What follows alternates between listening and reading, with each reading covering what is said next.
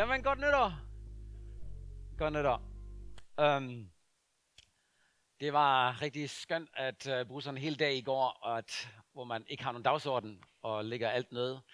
Og uh, det er ikke sådan, at jeg tror, at Gud ikke synes, at vi skal have nogle dagsordner, men en gang imellem er det rigtig godt at få sin dagsorden synkroniseret med Guds dagsorden. Og uh, vi snakker faktisk om i dag, om det var det sidste gang, vi har gjort det, eller om vi ikke snart skal gøre det igen øh, fordi det har vi brug for, ikke? Sådan en dag, hvor man bare modtager og tager noget fra Gud. Og så i pausen i går, øh, så snakkede jeg med en kvinde her fra kirken, som delte nogle billeder med en anden en, og jeg tænkte, det billede, det skal jeg lige vise jer. Prøv lige at kigge. Ah, det er ikke så skarpt, men ham der til højre, kan vi få, kan vi få det hele med? Er det muligt at se hele billedet? Jeg prøver lige at se ham der til højre. Ved I, hvem det er? Et gæt. Hvem er det? Det er Johnny Hansen. Det er Johnny Hansen. Og jeg tænkte, jeg skal bruge det her billede til at sige, det er hans, det er hans ungdomsvelsignelse. Så det nytter noget, ikke? Se, hvad der kommer ud af ham. Yes. Um, vi har faktisk i år en årgang, hvor der er ikke så mange i den alder, der skal ungdomsvelsignelse. Jeg tror faktisk, der er kun en eller to indtil videre. Så jeg tænkte, det var der en opmuntring, ikke? hvis du er her og går 7. klasse, og vil gerne ungdomsvelsignelse, ikke? Det kan også være, at du er i 8. Det tager vi også med. Eller, altså, fordi det er bare godt, ikke? Det var dengang, jeg ved ikke, er det 30, 40, 50 år siden? Eller? Altså, okay. Godt. Ja, men øh, vi skal starte et nyt emne. Og øh, jeg har faktisk ikke lavet en powerpoint, fordi jeg kom så sent i seng. Men den overordnede slide, den skal I se. Vi øh, snakkede sidste om, at vi vil gerne Uh, næsten tager det som en overskrift for hele året, men selvfølgelig skal vi ikke på den måde snakke om det hele året, men uh, bare i starten af året og kigge lidt på det, hvad betyder det her for os. Touching heaven, changing earth. Og vi tog den på engelsk, fordi det er så svært, at, at det lyder fornuftigt på dansk.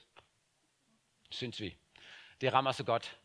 At berøre himlen, eller blive berørt af himlen, og så fordi himlen rører os, så er Gud med til at røre verden omkring os.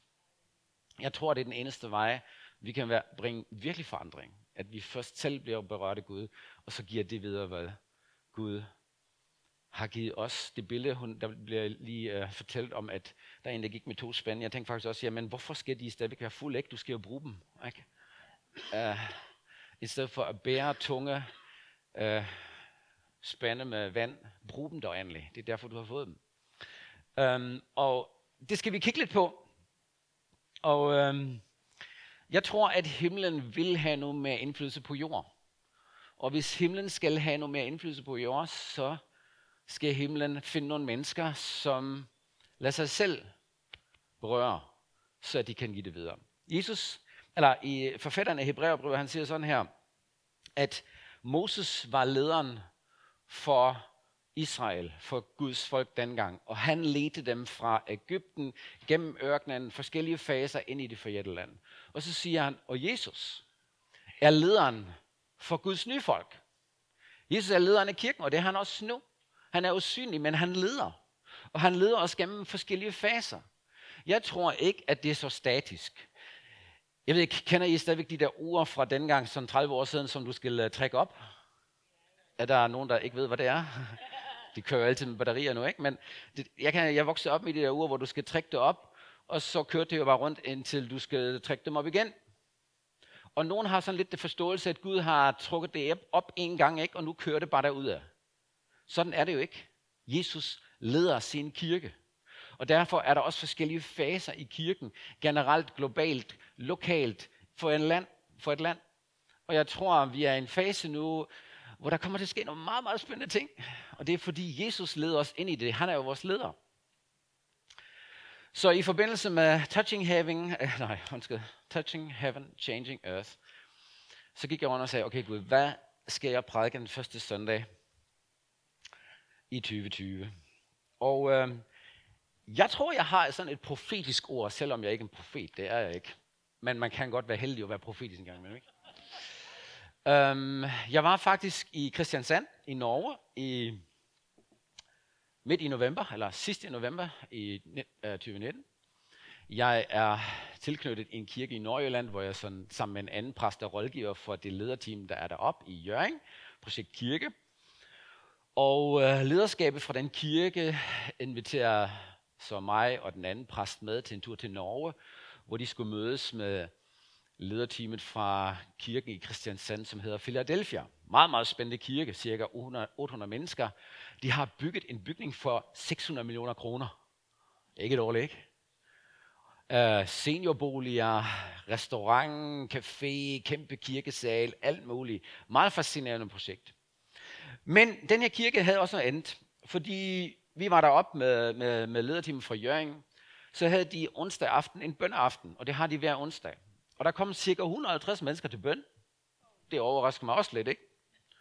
Wow, sådan en onsdag, 150 mennesker beder. Og fordi vi var gæster i den kirke, så sagde de, i aften beder vi kun for Danmark. Vi beder for Jøring, vi beder for den her kirke, vi beder for det lederskab. Og så hvis du har noget opmuntring, nogle ord eller noget band, så kom endelig frem. Og der skete en del den aften. Og så var der en mand, som kom frem og læste nogle enkelte vers fra Johannes 4, som jeg kommer til at læse lige om lidt. Og da han læste, så kan jeg mærke, at Gud siger til mig, det der, det er præcis det, jeg har gang i i øjeblikket. Prøv at tænke, prøv at tænke lidt over det, grundligt over det, læs det ordentligt. Det er det, jeg gør i øjeblikket.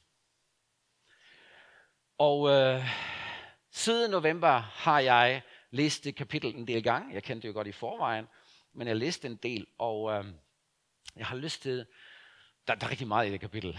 Uh, gå selv, selv hjem og læs det. Det er virkelig en spændende beretning. Men jeg har tænkt mig i dag, at taget sådan tre ting ud af det og sige, prøv her, det her, det, jeg, jeg tror, det er det, Gud gør.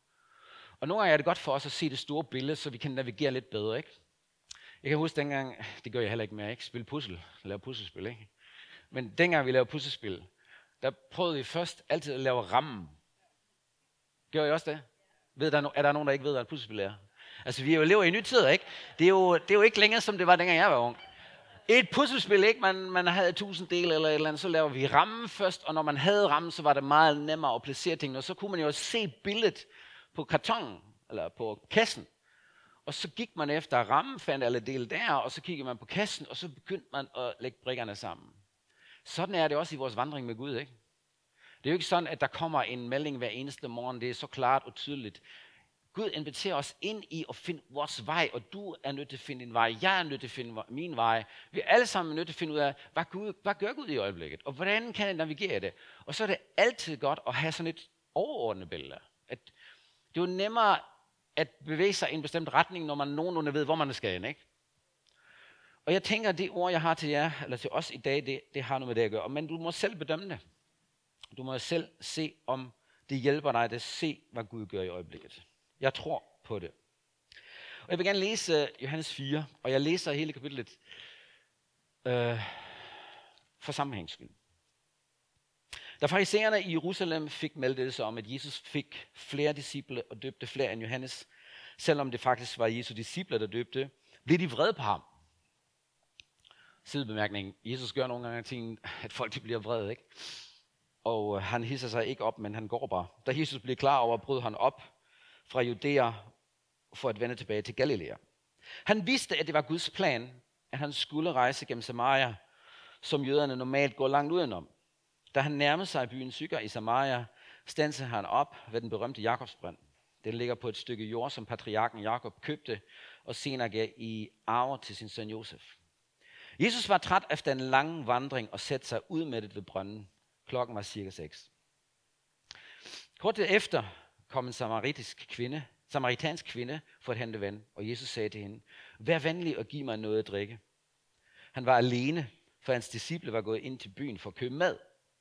Kvinden blev overrasket over, at en jøde henvendte sig til hende. For jøderne plejer ikke at have noget, noget at gøre med samaritanerne. Hvordan kan det være, at du som er jøde beder mig om en samaritansk kvinde øh, om noget at drikke, spurgte hun. Jesus svarede, hvis du vidste, hvad Gud kan give dig, og hvis du forstod, hvem jeg er, så var det dig, der ville bede mig om noget at drikke. Og så vil, give, så vil jeg give dig levende vand. Du har jo ingen spand, sagde hun. Og brønden han er, øh, her er meget dyb. Hvordan vil du skaffe det levende vand? Du er vel ikke større end vores stamfar Jakob, som gav os denne brønd. Kan du give mig vand, der er bedre end øh, både, både Jakob selv, hans familie og hans kvæg har drukket af? Jesus svarede, drikker man af det her almindelige vand, bliver man tørstig igen. Men drikker man af det vand, jeg giver, bliver man aldrig mere tørste. Det vand, jeg giver, bliver til et kilde, der vælger frem med evigt liv. Og giv mig dette vand, udbrød kvinden. Tænk, hvis man aldrig skulle tørste og være nødt til at gå herud efter vand. Gå hjem og hent din mand, sagde Jesus. Jeg har ikke nogen mand, svarede kvinden. Det har du ret i. Fordi du har haft fem mænd, og ham du bor sammen med er ikke din mand. Der har du sagt noget sandt. Her udbrød kvinden, du må være en profet. Kan du så forklare mig, hvorfor I jøder påstår, at det kun er et tempel i Jerusalem, man skal tilbede Gud? Vi har fra gammel tid tilbedt Gud, øh, tilbedt Gud øh, på det her bjerg. Jesus svarede, tro mig, den tid kommer, hvor der ikke længere er væsentligt, hvor man tilbeder Gud, her eller i Jerusalem. I samaritanerne tilbeder det, som I ikke kender, men vi tilbeder det, vi kender. For frelsen udgår fra jøderne. Men der kommer en tid, ja den er allerede kommet, hvor de sande tilbedere skal tilbede faderen i ånd og sandhed. Det er den slags tilbedere, faderen søger. Gud er ånd, og de, der tilbeder ham, skal tilbede ham i ånd og sandhed. Kvinden sagde, jeg ved, at Messias skal komme engang.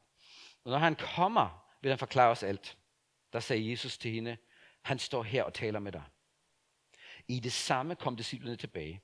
De bliver overrasket over, at han talte med en kvinde. Men ingen af dem spurgte ham, hvorfor han gjorde det, eller hvad han ville hende. Kvinden lod sin vandkrukke stå ved brønden og løb tilbage til byen. Kom og se en mand, der har fortalt mig alt, hvad jeg har gjort, råbte hun. Mon han ikke er Messias?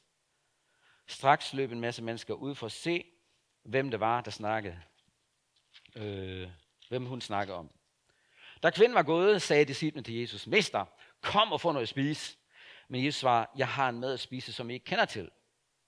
Disciplen spurgte, hvem kan være kommet med mad til ham? Jesus svarer, min mad er at gøre hans vilje, som sendte mig, og at fuldføre den opgave, han gav mig. I siger nok, at der er stadig fire måneder til høsten begynder, men jeg siger, luk øjnene op. Markerne er hvide og parate til at blive høstet. Høstfolkene er allerede begyndt at arbejde og få deres løn. De samler afgrøder til evigt liv. Den, som sår, skal glæde sig sammen med dem, som høster. For her gælder det ordsprog, en sår, en anden høster. Jeg har sendt jer ud at høste det, som I ikke har arbejdet med. Andre har slidt for jer, men I skal forføre det, som de begyndte. Kvinden gik rundt og fortalte alle og enhver om, hvordan Jesus havde vist, sig, havde vist uh, ting om hende, som en fremmed ikke kunne vide. Som resultat heraf kom mange samaritanerne fra den by, og som kom til tro på Jesus. Da samaritanerne kom ud til brønden, indbød de straks Jesus til at komme ind og overnatte i byen, og han blev hos dem i to dage. I løbet af den anden tid kom mange til tro ved at lytte til hans ord, og de sagde til kvinden, nu tror vi, fordi vi selv har hørt ham, og ikke kun på grund af det, du har fortalt. Han er virkelig verdens frelser, den Messias, vi har ventet på. Det er en lang historie, men det er også en rigtig spændende historie. Og øh, det er selvfølgelig en begivenhed, som er sket.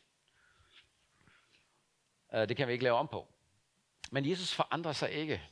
Han er den samme i dag. Og jeg kan se tre ting i den her historie, som Jesus gør i dag. Og det første, ja, du, du skal tage med herfra og tænke over, det er, at Jesus møder et menneske, som er udenfor. Uden for kirken og han møder den person meget personligt. Jeg har gået længe at tænkt, at vi som kirken, vi er der virkelig Guds udvalgte. Han har brug for os, og der sker ikke noget uden for kirken. Det kan være, at du ikke tænker sådan, men jeg har tænkt sådan længe. Ved du godt, at Jesus møder mennesker uden for kirken? Fordi Jesus var på tur med sine disciple, og det er jo kirken. Det er dem, der følger ham. Ikke? Så de var på tur. Og Jesus, han meget bevidst, han vælte, det var, der står der faktisk i starten, det var Guds plan, at han skulle gå gennem den by, for at møde den her ene kvinde. Han ville gerne mødes med hende. Hun var samaritaner, man havde normalt ikke noget med hende at gøre.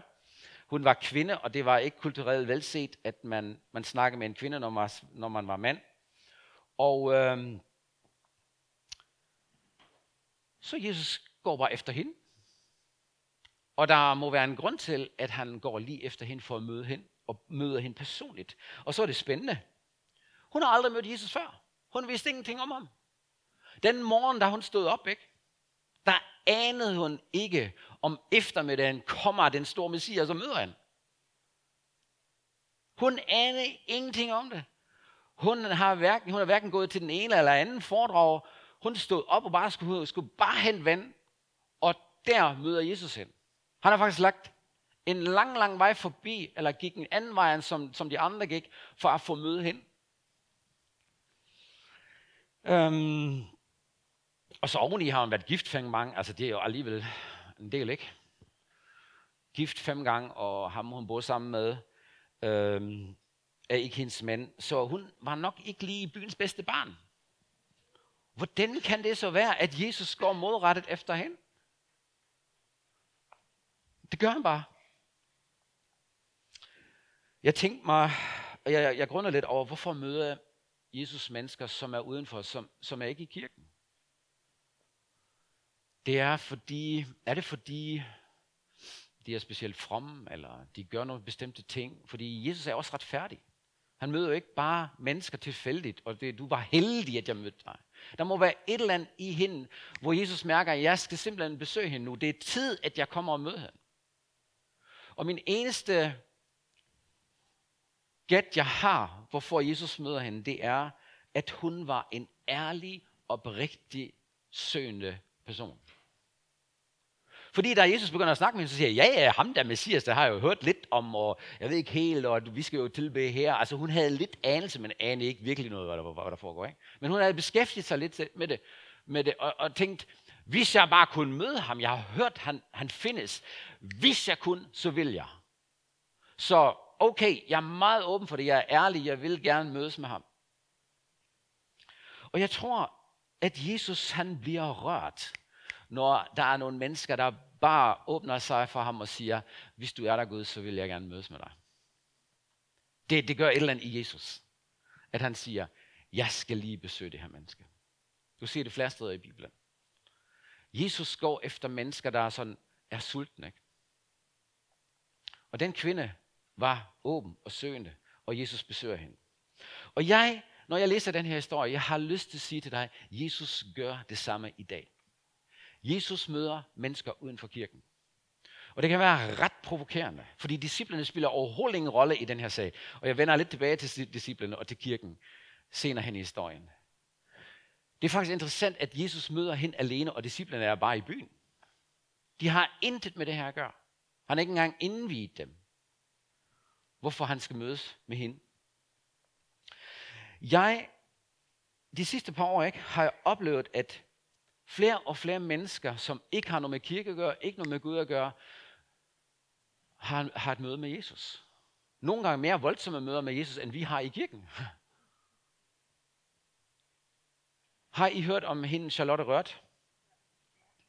Jeg læste om hende, at hun hverken var religiøs eller spirituelt interesseret. Så tager hun til Spanien og er på sådan en tur. Og hun møder Jesus, og er så overrasket, at han er ægte og han er real, at hun skriver en bog, Jeg mødte Jesus. Øh, senere hen, på grund af det, hvor hun fortæller, at jeg har mødt Jesus, er der mange mennesker, der skriver til hende, jeg har haft den samme oplevelse, jeg har mødt Jesus. Og der udgiver hun en anden bog, der hedder, Vi har mødt Jesus. Tusind mennesker har henvendt sig til hende. Og så skal du regne alle dem, der ikke gider at skrive til hende, ikke? der også har oplevet det. Der er et eller andet i gang. Jesus længes efter at mødes med de mennesker, som ikke har noget med ham at gøre, men er åben for ham og søger efter ham. I salme 12 står der, at, at de hjælpeløse skriger og råber til mig, og derfor rejser jeg mig nu. Det ligger i Guds gener. Når der er nogen, der råber og skriger, og måske råber og skriger efter ham, uden at de ved, at de råber efter ham, så reagerer han. Da Israel råbte til Gud, til Abrahams Gud, og sagde, vi kan ikke leve her længere, så sagde Gud, nu, er, nu gør jeg noget. Nu er målet, for jeg er nødt til, jeg kan ikke sidde stille mere. Øhm, sammen med Cornelius, han søgte Gud, han var uden for kirken af. Og det første, han møder, det var en engel. Da Paulus møder Jesus, han mødte ikke kirken først, den forfulgte han. Men Jesus møder ham uden for kirken. Og du og jeg, vi skal høre og være klar over, at Jesus møder mennesker uden for kirken, og vi har ikke noget med det at gøre. Det har vi nogle gange, men ikke altid. Han møder dem gennem bøger, gennem internet, gennem mange steder, og nogen har personlige oplevelser, hvor, hvor de mærker, hey, Gud, hvad vil du mig? Og det er alle mulige slags mennesker. Når jeg kigger på den her type, ikke? En, en kvinde, som er egentlig ringeragtigt, fem gange gift, og fra en helt anden kultur. Og Jesus bryder de der ting igennem. Og det er nogle gange svært at forstå for disciplerne, at Jesus møder sådan en kvinde. Det vender jeg tilbage til. Jeg tror, at Jesus er i gang med at møde mennesker, som er ikke lige vores oplagte kandidater. Jesus møder for eksempel indvandrere. Ikke? Han møder muslimer. Jesus møder mennesker, som lever i homoseksualitet. Møder mennesker, som øh, er rige. Nogle er fattige. Altså du ved, alle mulige klasser. Ikke? Nogle, der er forvirret. Nogle, der har styr på det. Alt det der, det spiller overhovedet ingen rolle for Jesus. Hvor du hen, hvor langt ude, eller hvor god du er. Alt det der spiller ingen rolle. Om du er samaritaner, om du er kvinde, mand, alt det der. Det er ikke det afgørende. Jeg tror, det er der, Jesus ser efter og kigger efter, det er den der, hvor er han hen, ham der Messias? Hvis han findes, jeg vil finde ham. Og et eller andet tidspunkt, når folk bliver desperat nok, så siger Jesus, jeg er nødt til at gå og møde hende. Fordi Jesus går altid efter den enkelte. Han siger, jeg forlader de 99 for at gå efter den ene. Det gør han også her i den her historie. Og øhm, jeg kan se, det sker her. Vi har nogle historier her i kirken, hvor folk kom til og sagde, jeg mødte Gud, jeg har ikke haft noget med ham at gøre. Og som Berger sagde, der var også en her i går, og jeg talte med en kvinde i går, som øh, var bare snakket med en anden kvinde, og jeg tænkte, de kender hinanden, og kvinden er nok fra en anden kirke, og så hilste jeg, og så fandt jeg ud af, at den her kvinde har været her for første gang 14 dage siden. Jeg har mødt Jesus i julen, så må jeg jo gøre noget ved det, ikke? Nå, ja, og siden her, jeg var her, for, jeg var her for første gang 14 dage siden, og så læste jeg det, så jeg kom i dag hele dagen. Wow, tænkte jeg. Ja, og mine venner, de fatter ikke en brik, fordi på en anden måde forstår jeg dem godt, fordi jeg var lige sådan, som de var før. Men jeg har mødt Jesus, og jeg har mødt kærligheden. Så jeg er nødt til at finde ud af det her. Så tænker jeg, wow, tak for et godt eksempel, at min prædiken, den passer. Fordi den havde jeg allerede, den havde jeg allerede på min hjerte, ikke? Og det er lige nu, er det måske kun nogle enkelte personer, vi kommer i berøring med. Men ved I hvad jeg tror, der kommer til at ske? Der kommer tusindvis. Og det bliver en kæmpe udfordring for kirken. Jeg tror på lang sigt, jeg siger ikke om det her år, ikke, men det starter. Jeg tror ikke, øh, der kommer tusindvis i år. Jeg tror, at de næste 3, 5, 10 år, ikke, der kommer tusindvis af mennesker. Fordi folk er så sultne. Folk har alt. De fleste har alt. Ikke? Jeg har prøvet alt. Men de mangler en ting, og det er min næste punkt. Da Jesus snakker med hende om vand, der siger hun kun én ting. Giv mig det vand. Det er sådan, giv mig det vand. Og jeg tror, det er skriget alle steder. Giv mig det vand. Når vi kigger lidt på, hvad er det for noget vand, Jesus snakker om? Ikke? I, han siger i Johannes 7, at den, der tørster, kom til mig og får noget at drikke. Skriften siger, at vand skal strømme frem over det tørre land. Sådan bliver det for dem, der kommer til tro på mig. Fra deres indre skal livgivende, livgivende vand strømme frem. Men det, med det livgivende vand mente Jesus helgen, som de, der var kommet til tro på ham, senere skulle få. Fordi anden, ånden var ikke kommet endnu. Og Jesus var ikke vendt tilbage til den himmelske herlighed endnu. Men han talte om helgen som det friske vand. Og hvis der er én ting, folk længes efter, det er Guds ånd og Guds nærvær. Fordi der er én ting, der er 100% sikker. Vi er skabt i Guds billede som mennesker. Og vi kan godt være mennesker, og vi være helt mennesker. Men vi har mistet herligheden. Den her herlighed, som betyder, at Gud bor i os, det mistede vi ved syndefaldet. Og alle ved, der mangler noget. Alle ved det. De kan ikke sætte ord på det, men de ved det. Giv mig det der vand. Så det var folk længes efter. Det er jo ikke vores smarte idéer og fællesskaber og det ene og det andet. Det er jo, der er ikke noget galt i det. Men hvis du vil have et godt fællesskab, så skal du også gå i, en god håndboldklub. Det er også et godt fællesskab, ikke? Eller, jeg snakker med en i går. Han sagde, at han er kommet ind i forsvaret. Og han har aldrig oplevet så godt et fællesskab. Det kan man godt. Det findes. Men der er en ting, du ikke findes andre steder. Det er Guds nærvær. Der er kun et sted. Det der, hvor kirken er, der, hvor Jesus er, der, hvor Gud er. Og alle mangler Guds nærvær i deres liv. Og alle ved det. Alle har mistet den her herlighed. Og derfor længes alle efter det. Giv mig det vand. Jeg tror, at det skriv bliver større og større og større, og større de næste år. Fordi vi er så mættet på alle andre områder i vores liv. Du kan næsten ikke finde noget, som folk ikke har prøvet, ikke? Og unge spørger sig selv, den generation før os, hvad har de egentlig gjort, og øh, er de virkelig lykkelige? Har de virkelig fundet ud af, hvad, hvad livet handler om? Så vis mig noget. Hvad er min identitet? Hvor kommer jeg fra? Og øh, det der spørgsmål, hvor er det her vand hen? Det rører rigtig mange mennesker, uden at de kan egentlig sætte ord på det. Og da Jesus så taler med hende, så siger han, det er mig, der kan give dig det her vand. Og det du har egentlig ventet på, men ikke kan sætte ord på, nemlig du venter på ham, Messias, jeg står lige foran dig. Og så begynder at tingene at ske. Og det, det, hvad der sker, det er faktisk ikke så godt, fordi disciplen kommer tilbage. Ja, endelig skulle man glæde sig, at nu kommer de tilbage, men prøv lige at høre, hvad der skete. Jeg vil gerne lige læse det en gang til. De kommer så langt hen i deres samtale, at Jesus afslører, at det er mig, der giver dig det her vand, og jeg har det til dig. Så, så siger jeg, i det, I det samme kom disciplerne tilbage. De bliver overrasket over, at han talte med en kvinde. Men ingen af dem spurgte ham, hvorfor han gjorde det, eller hvad han ville hende. Så lod kvinden uh, vandkrukken stå og gik. Der er grundet over det her vers, jeg tænker, det er mit tredje punkt, du skal tage med her i dag. Disciplerne, de står for kirken, ikke? Det, er, det er den gruppe, der følger Jesus. Det er kirken, det er os. De bliver overrasket, at Jesus snakker med en derudfra, ikke? Hvad, hvad mener du ikke? Snakker med hende der. Og så, så er det næste sætning. I, I, må huske, eller I må have det lidt i minde. Den her beretning, ikke, den er skrevet mange år efter. Jesus var rejst fra de døde, og kirken har været der. Jeg tror, det er Johannes evangeliet er skrevet i 90 efter Kristus. Så Johannes, han har noget i tanker, når han skriver det her til kirken. Det er jo et brev til kirken. Han fortæller, hvad der er sket, den Jesus, den, dengang Jesus var i, øh, i Samaria. Så han siger, der er sket en mærkelig ting.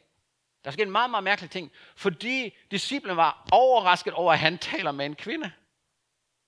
Hallo, Jesus. Men så ville de ikke spørge ham. De tænker, at det her, det lader vi lade være, ikke? Det, det skal vi ikke blande os i. Det er godt, at Jesus snakker med den kvinde. Det er okay, ikke? Når, okay, når man tænker lidt over det, det er jo godt nok. Men vi skal ikke vide, hvorfor. Og vi skal ikke blive blandet ind i det. Vi har bare købt mad, og nu skal vi bare spise. Det er rigtig mandeting. Vi skal bare spise nu, ikke? Jesus er en dyb samtale. Og jeg, når jeg tænker over det, hvad ligger der egentlig i de bemærkninger? Der ligger nogle grundlæggende holdninger, som de har fået med. Den her kirke, de her mennesker, som følger Jesus, har nogle grundlæggende holdninger. Den har, den er, dem er de vokset op med. Nemlig, at man ikke snakker med en samaritaner og man snakker i hvert fald ikke med en kvinde, og man har ikke noget at gøre med en, der har været gift fem gange. Ikke?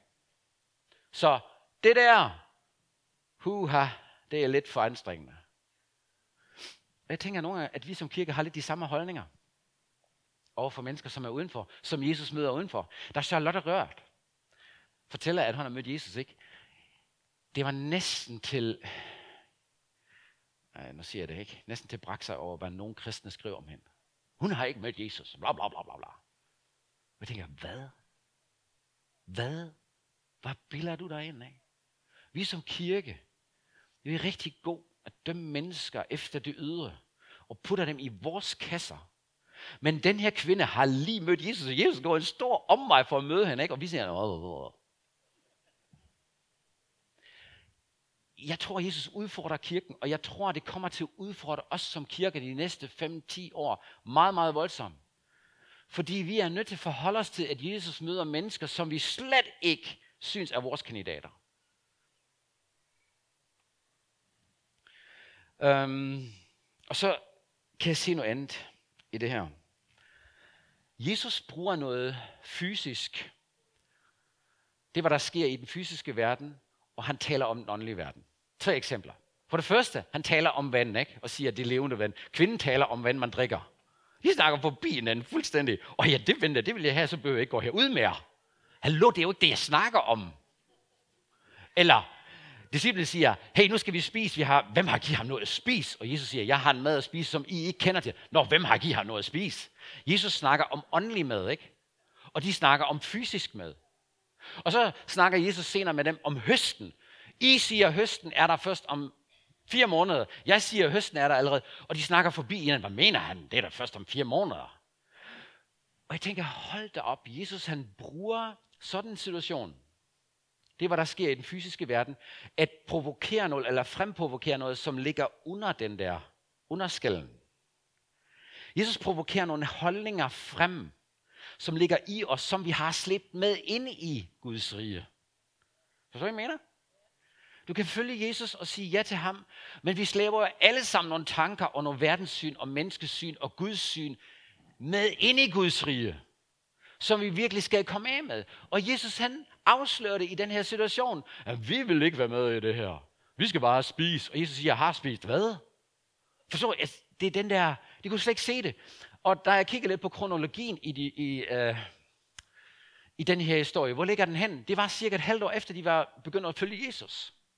Og så tænkte jeg, okay, et halvt år efter, så kan man godt misforstå Jesus. Det er jo, vi har kun været med et halvt år, ikke? De kender ham kun et halvt år, så det er fint nok. Der man snakker lidt forbi hinanden, ikke? Men jeg giver dig lige to eksempler mere. Det ene er, at cirka halvanden år efter, der, der kommer der en kvinde, og hun, øh, hun, øh, hun kommer også fra et andet land.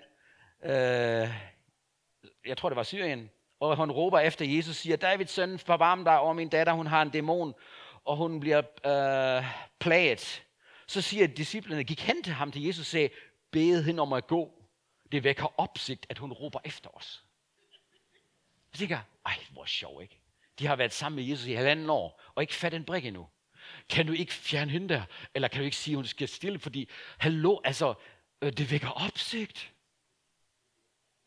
Det er kirken, ikke? Jesus møder et menneske og sætter et menneske fri, og kirken siger, det vækker opsigt. Kan du ikke få en til at stige stille? Og så tænker jeg, okay, det er måske efter halvanden år, så, så har de fættet det, ikke? Nu har de været sammen med Jesus i så lang tid og så god tid. Men nej, altså lige inden Jesus rejser til Jerusalem, så skal han igen gennem Samaria. Og så siger han til to af sine elite-disciple, kan I ikke skaffe mig husly i Samaria? Så går de derud, og de siger, nej, vi vil ikke, øh, han er på vej til Jerusalem, vi gider ikke have ham her. Så siger de, skal vi ikke øh, kaste ild fra himlen, ligesom Elias? Skal vi ikke, øh, skal vi ikke bruge al den autoritet for ham? De skal simpelthen dømmes lige nu. Og Jesus siger, hvad har I gang i? Så kunne man mene, okay, korset forandrer nogle ting, og Helligåndens dåb forandrer nogle ting. Nogle flere år efter, så kunne man sige, Peter har endelig forstået det. Han er virkelig en af dem, der er tæt på Jesus og har virkelig styr på tingene. Ikke? Men så siger Jesus til ham, eller Helligånden siger til ham, rejs lige der til Caesarea, der er en romersk soldat. Og siger, åh oh, nej, jeg har aldrig rørt ved sådan en, eller jeg har aldrig gået ind i sådan et hus af en, der ikke er jøde. Forstår I, jeg mener? De mennesker har været sammen med Jesus, de har vandret sammen med Jesus i så lang tid og så tæt, og har gjort det ene og det andet. Men under overfladen ligger der nogle holdninger. Virkelig nogle holdninger, som aldrig blev rørt ved som siger, nej, nej, det kan jeg ikke. På den ene måde chokerer det mig, på den anden trøster det mig. Jeg tror, at Jesus er meget, meget tålmodig med os. Meget tålmodig. Og nogle gange tænker jeg, især i de sidste halvanden, to år, har jeg tænkt, Jesus, hvorfor har jeg ikke det her vist 20 år siden? Mit liv har måske set anderledes ud. Fordi det var jeg opdaget i dag, ikke? Det har også været sendt 20 år siden, eller? Tror du ikke? Jeg var ikke fattet det. Jeg vil sige til dig, at, at det var jeg kan se bare med de eksempler, jeg giver dig. Jesus er ekstremt tålmodig med sin kirke. Han bærer over med vores meget, meget mærkelige holdninger. I lang tid. I virkelig lang tid. Men jeg vil gerne fortælle dig en ting. Det hindrer ham ikke at gøre det, hvad han synes er rigtigt. Og du er nødt til at forholde dig til det, og du bliver provokeret, at Jesus gør noget, som ikke passer i din tankeramme og i min tankeramme. Skal jeg fortælle, fortælle dig en hemmelighed? Jeg ved ikke, om I kan huske det. Jeg tror, det er et halvandet år siden, så var der en muslimsk pige her på scenen. Kan I huske det? Nogen var her til den gudstjeneste.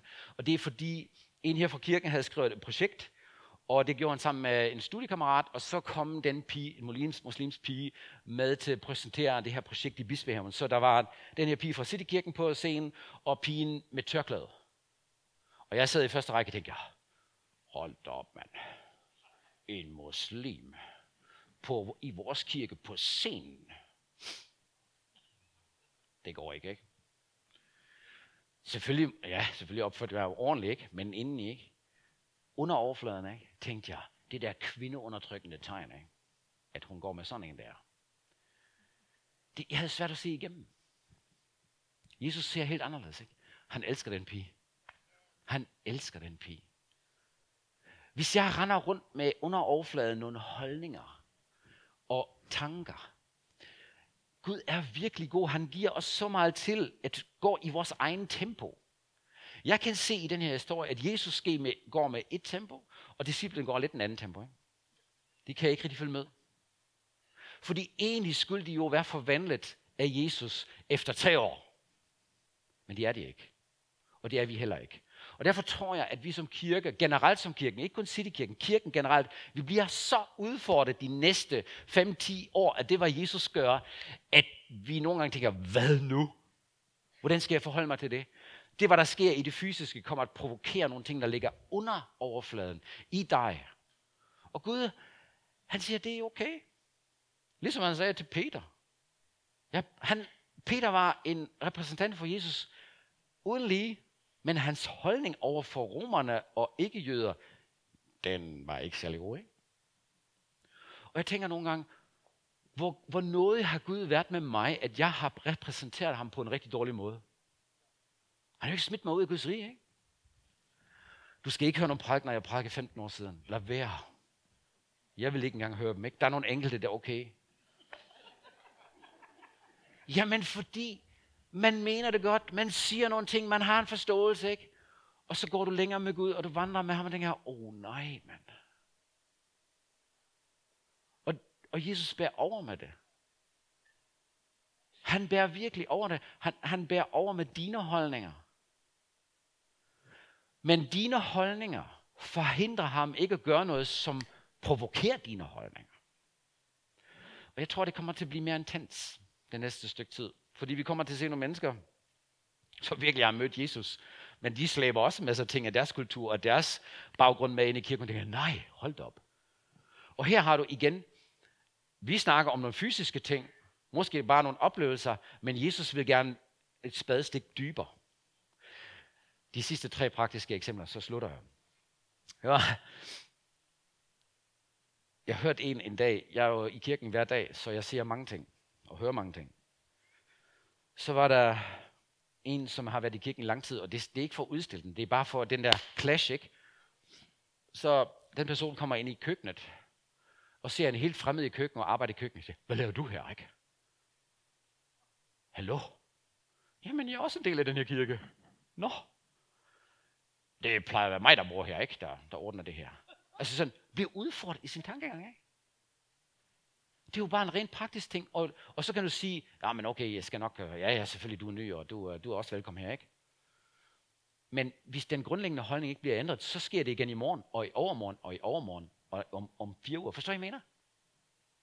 Jesus vil gerne have fat i vores grundlæggende holdninger, som ligger under. Og han fordømmer dig ikke. Han siger ikke, nu skal du skynde dig. Han bærer virkelig meget over med dig og med mig. Men hvor ville det være dejligt, hvis vi lader ham komme til, ikke? Og forvandre vores hjerter. Hvor ville det være dejligt, hvis de disciple, de, de, de disciple der, der kommer tilbage, har sagt, Jesus, hvad har du gang i med den her dame? Kan vi hjælpe? Ja, nu skal vi ind i byen til Samaria. Endelig, det har jeg aldrig prøvet. Skal jeg snakke med nogle flere kvinder? Ja, endelig lad os gøre det, ikke? Altså, det var en helt anden tilgang, ikke? I stedet for, vi skal ikke høre hvorfor, og vi skal ikke vide hvad, og det må Jesus gøre, ikke? Prøv her, Jesus har brug for os, når det kommer til stykket. Og jeg tror, der kommer snart så mange mennesker ind i kirken i løbet af de næste mange år. Ikke? Okay, ikke kun her. Det er noget, Jesus kommer til at gøre. At du er nødt til at overveje, nej, nej, nej, min citygruppe, vi har altid siddet her, og vi er, vi er, vi er de otte, og det går ikke. ikke? Der er ikke plads. Hvordan var Jesus kommer ikke til sende lyn ned over dig. Det må du godt. Men spørg dig, om det ikke var en god idé, at han får lov til at provokere dig og sige, okay, vi bryder det her op. Vi skaber plads, ikke? Det kan være, at der er nogen, der kommer og spørger, jeg har brug for en, der sidder sammen med mig og lærer dansk, eller jeg har brug for hjælp. Og siger nej, nej, det har jeg ikke tid til. Fordi det har jeg aldrig haft tid til. Jeg har et hobby, jeg har det her, og det, det er alt, der er godt. Der er rigtig mange ting, der er godt. Det er jo ikke noget forkert, at, at disciplene at de går i byen og køber mad. Det er da helt i orden. Jesus var træt og havde brug for noget at spise. Men der er også en anden dimension, den åndelige dimension, ikke? Og Jesus udfordrer dem og siger, hey, der er en anden mad, der er en anden høst, der er en anden drik end bare naturlig ven, naturlig mad og en naturlig høst. Så der er tre ting, jeg vil, at du tager med i dag. Det første er, undskyld, Jesus møder mennesker uden for kirken, og det gør han bare, om vi kan lide det eller ej. Og øh, du skal være klar over, at alle længes efter Guds ånd og Guds nærvær. Fordi vi har mistet den herlighed. Så der er noget vand at tilbyde til de her mennesker. Og det trille er, Jesus udfordrer kirken. Og det kommer forstyrre os lidt. Han fordømmer os ikke. Han giver os plads. Vi skal finde ud af det i vores egen tid. Men hvis du kan speede det lidt op, det er kun for din egen skyld, ikke?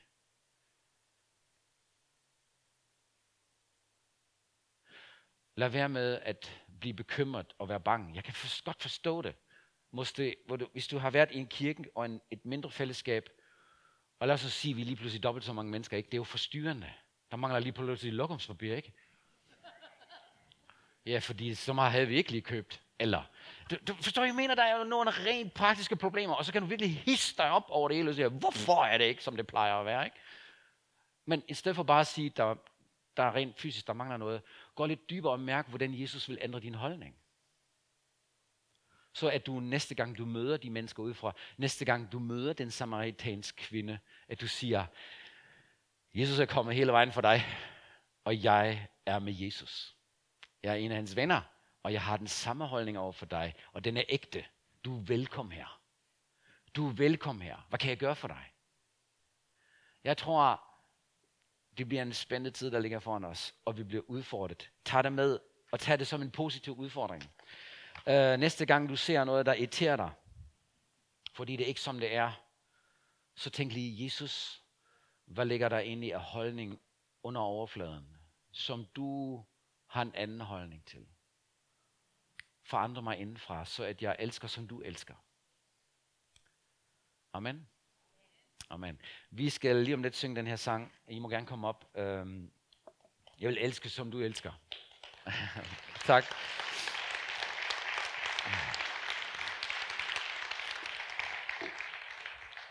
Jeg har lyst til at bede en bøn øh, for os alle sammen.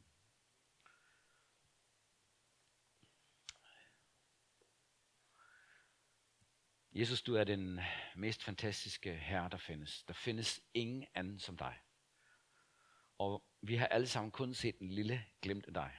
Jeg glæder mig til den dag, hvor vi ser dig, hvor den, som, som du virkelig er, Jesus. Tak, at du allerede nu giver os den mulighed at lære dig at kende. Tak, at uh, allerede nu ser du, hvordan du behandler os, hvordan du behandler andre. At du går efter den enkelte at du giver levende vand, Jesus. Her jeg beder om, at vi alle sammen bliver lige så large og lige så klar som du, Jesus. At vi lader os udfordre i vores holdninger. At, at vi ikke går i stå, Jesus. At vi ikke lader os provokere til det negative, men til det positive. Tak, Jesus, for din overbærenhed med os. Der, hvor vi ikke har repræsenteret dig, som vi egentlig kunne og måske også afspejle dig forkert. Tak, at du bærer over med os, Jesus, og du, du, er, du øhm, bakker os stadigvæk op, og du elsker os stadigvæk.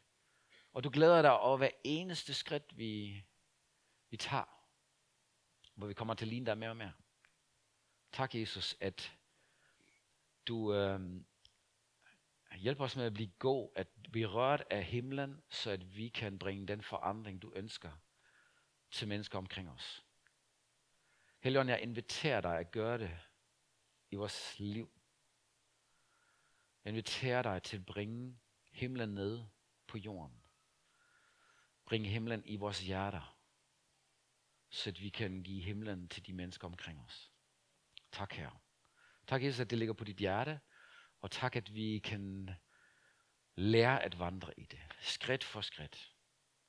At du ikke stresser os med det, men at du inviterer os ind, at vores sind og vores tanker om os selv, om andre bliver fornyet. Jesus, vi giver dig lov til det. Tak, at du hjælper os med at se dig i hverdagen. Og vi vil følge dig, Jesus. Tak for de mange mennesker, som er derude også i Danmark, som kommer til møde dig. Fordi du går dem i møde. Især vil takke dig for en kæmpe høst de næste 10 år. Vi tror på det, hvad du har sagt til kirken generelt, at mange mennesker kommer til at tro, der er en stor høst. Jesus, vi vil bidrage med den lille del, vi kan. Tak, at vi finder os til rette i det store billede. Tak, at du hjælper os alle sammen med det her. Amen.